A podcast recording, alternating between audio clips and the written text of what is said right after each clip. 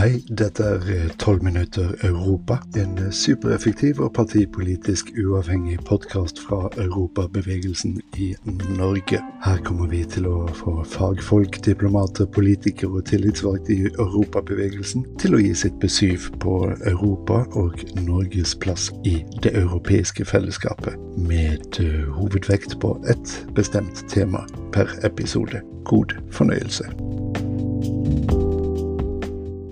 Velkommen til den første episoden av 12 minutter Europa pluss minus noen sekunder med Europabevegelsens generalsekretær Fredrik Mellem i det virtuelle studioet, sammen med Jarle Petterson. Som du sikkert skjønner mangler det ikke på emner å ta tak i, men vi holder oss til ett om gangen, og denne gangen snakker vi om Nord-Irland. Uh, Fredrik, for noen uker siden gjorde republikanske Sinn Fein et brakvalg i det nordirske lokalvalget, og du er nylig kommet hjem fra et opphold borti der. Så, som vi vet har eh, unntakene for frakt av varer mellom Irland og Nord-Irland skapt eh, stor uro i brexit-land. Og spørsmålet om en gjenforening med Irland ligger og lurer i eh, bakgrunnen. Hvor tror du dette kommer til å ende? Ja, si det. Eh, personlig tror jeg vel at eh, om et sted mellom fem, seks og ti-tolv år fra nå, så, så, er det god sjanse for at eh, Nord-Irland opphører å være en del av mm, United Kingdom. Eh, men hvilken måte og hvilken status Nord-Irland kommer til å ha etterpå, er, der er det så mange muligheter. Men eh, det går jo an å se for seg en, en eller annen føderasjon mellom Irland og Nord-Irland, kanskje. Jeg tror ikke Nord-Irland bare kommer til å bli en del av Irland som, som en hvilken som helst annen del av Irland. fordi det vil være en måte å løse problemet på som ja, definitivt ikke løser problemet. Det vil jo være Da blir jo unionistene de som anser seg som britiske i Nord-Irland, vil jo da bli helt marginalisert. Så både med den løsningen som kom med langfredagsavtalen, og eventuelle endringer i Nord-Irlands eh, konstitusjonelle status, vil jo måtte ta hensyn til begge parter. Mm. Men altså, det, det, store flertallet av eh, befolkningen i Nord-Irland var jo såkalte remainers i 2016, da britene stemte over eh, sitt eh, fremtidige forhold til EU. Eh, men hvordan ser dette ut i dag, på begge sider av, av skillet mellom republikanere og lojalister? Ja, altså I Nord-Irland og Skottland så ble det jo flertall for uh, remain, som du sier. Mm. Men for å holde oss til Nord-Irland, så, så, må man jo si at uh, det største unionistpartiet, altså de britisk orienterte eh, i Nord-Irland, de engasjerte seg jo for eh, brexit. Eh, og det gjorde de fordi de trodde at de med brexit ville få et skille, altså en grense mellom, en hardere grense da, mellom Nord-Irland og republikken Irland. Og det burde de jo ikke gjort. Og det må jeg vel si også at må ha vært mot bedre vitende. fordi Langfredagsavtalen, eh, som er en internasjonalt forpliktende avtale, slår fast at det skal være en åpen grense mellom Nord-Irland og Irland. Og Hele problemet med brexit er jo at brexit ikke er kompatibel med langfredagsavtalen. Altså det, det, det etter, de to avtalene er innbyrdes i konflikt med hverandre. Og Den eneste måten man da fant i forhandlingene mellom uh, Storbritannia og EU, var jo at man lager en tollgrense i Irskesjøen. Og Dette er jo selvfølgelig unionistene forferdelig uh, skuffet og bitre på. Fordi de uh, opplever at Nord-Irland på denne måten blir fra Eh, Irland. Nå er nok eh, Nord-Irland blir fra Storbritannia, mener jeg. Nå er nok dette mer sånn psykologisk og politisk enn reelt. fordi Nord-Irland gjør det jo nå bedre økonomisk enn resten av Storbritannia. Men handelen, handelen endrer seg. altså Nord-Irland handler nå mer med republikken Irland enn de gjorde før brexit, og mindre med Storbritannia enn det de gjorde før brexit. Og, så dette uh, gjør jo at uh, forbindelsene mellom Nord-Irland og republikken styrker seg. Og Det skyldes vel denne, disse fordelene som ligger i denne backstop-ordningen, ikke sant? Ja, ikke ordningen, for den ble det jo ikke noe av. Det var Teresa May som, sin avtale som hadde den løsningen. Men ja. Men det som er saken er jo at Nord-Irland egentlig er litt i samme situasjon som Norge og Island nå. De er en del av det indre markedet i EU. Mm. Uh, og så har de ingen representasjon i EUs politiske organer. Så egentlig ligner Nord-Irlands uh, situasjon veldig på, på, på, på vår. Mm. Uh, men for, for, unionistene så er jo det at det skal være et skille mellom Storbritannia på den ene siden og Nord-Irland på den andre siden, politisk og økonomisk, eh, uansett hvor marginalt det og lite upraktisk det egentlig er, mm. eh, et stort, stort politisk tema. Nemlig. Men du, Fredrik, både du og jeg er vel gamle nok til at vi har vage erindringer om, eh, om stridighetene mellom IRA og unionistene. Um, kjent som The Troubles. Og Sinn Fein av i dag er jo en moderat versjon av den ene parten i den konflikten. Uh, mens unionistene står like hardt på lojaliteten til Storbritannia.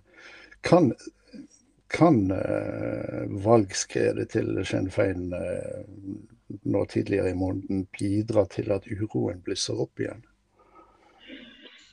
Ja, det kan i hvert fall ikke utelukkes. Det som jo er gjør, gjør ting mer vanskelig, er jo at både DUP, eller som er det største unionistpartiet, og, og Sinn Fein, som er det største partiet på irsk, nasjonalistisk, katolsk side. Det, det er veldig mange merkelapper her med, mm. med, med, med, noen nyanser imellom som det ikke er tid til å gå inn på i denne podkasten. Men uh, det er liksom de to mest ekstreme partiene på hver side. Mens de to mm. partiene som var størst eh, da langfredagsavtalen ble inngått, var jo det andre unionistpartiet, som heter Ulster Unionist Party.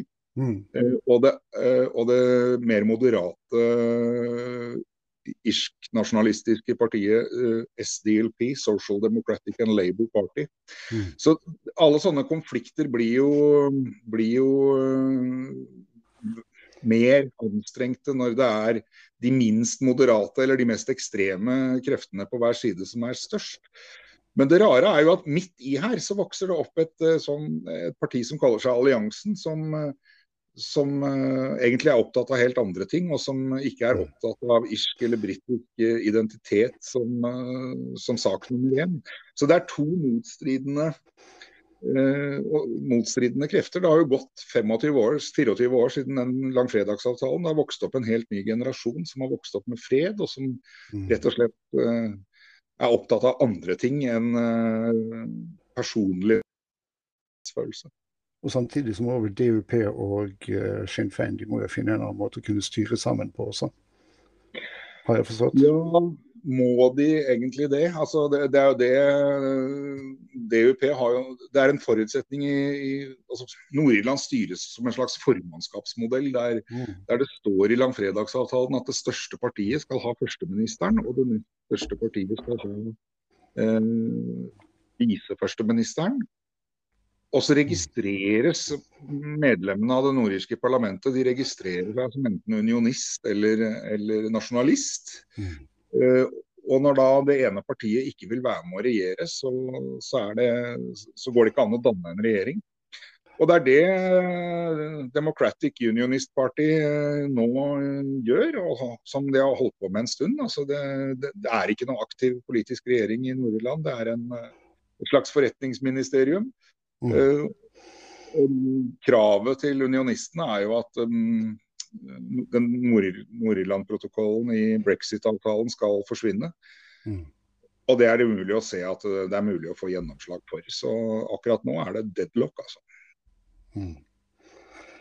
Uh, du, um, tusenkronersspørsmålet. Det vi alltid spør oss om her i landet. Hva betyr dette for Norge? Altså her i her i landet så har vi jo fått et helt nytt samkvem med britene etter brexit. Eh, men rimelig nok ikke med eh, til, eh, med, med Irland, som fortsatt har den samme statusen som, som EU-land. Men hva med Nord-Irland nå i tiden fremover, som på mange måter er én fot i hver leir? Ja, Nord-Irland er jo fortsatt en del av indre markedet, akkurat som vi er gjennom EØS-avtalen. Så der mm. er det egentlig ikke noe som har endret seg eh, for Norges del. Det er jo Skottland, Wales og England eh, mm. som brexit har eh, endret sånn sett for Norge, og for den saks skyld resten av Europa sin del. Mm. Så Utover det så betyr det jo ikke noe sånn direkte praktisk eller politisk akutt for oss, da.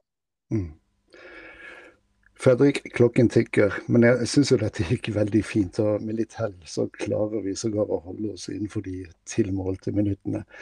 Nå er jo målsettingen i første omgang å slippe en månedlig episode, så her er det jo bare for folk å følge med. Eh, jeg tror jeg bare skal si tusen takk for praten, Fredrik, og tusen takk til eh, deg som hørte på. Vi snakkes.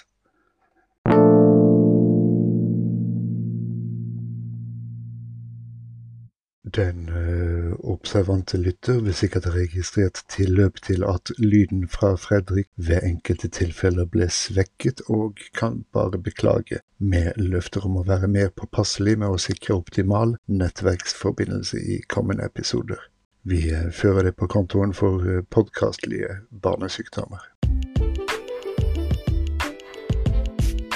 Husk å abonnere på 12 minutter Europa, så varsles du når vi eh, slipper nye episoder. Du kan også legge igjen en talemelding av eh, maks ett minutts varighet, som eh, kan bli inkludert i podkasten. Det gjør du på anchor.fm slash 12 minutter slash message. 12 minutter med uh, tall. Og ikke glem å følge Europabevegelsen på YouTube, Instagram, Facebook og Twitter. For uh, som vi alle vet, det kan aldri bli nok Europa.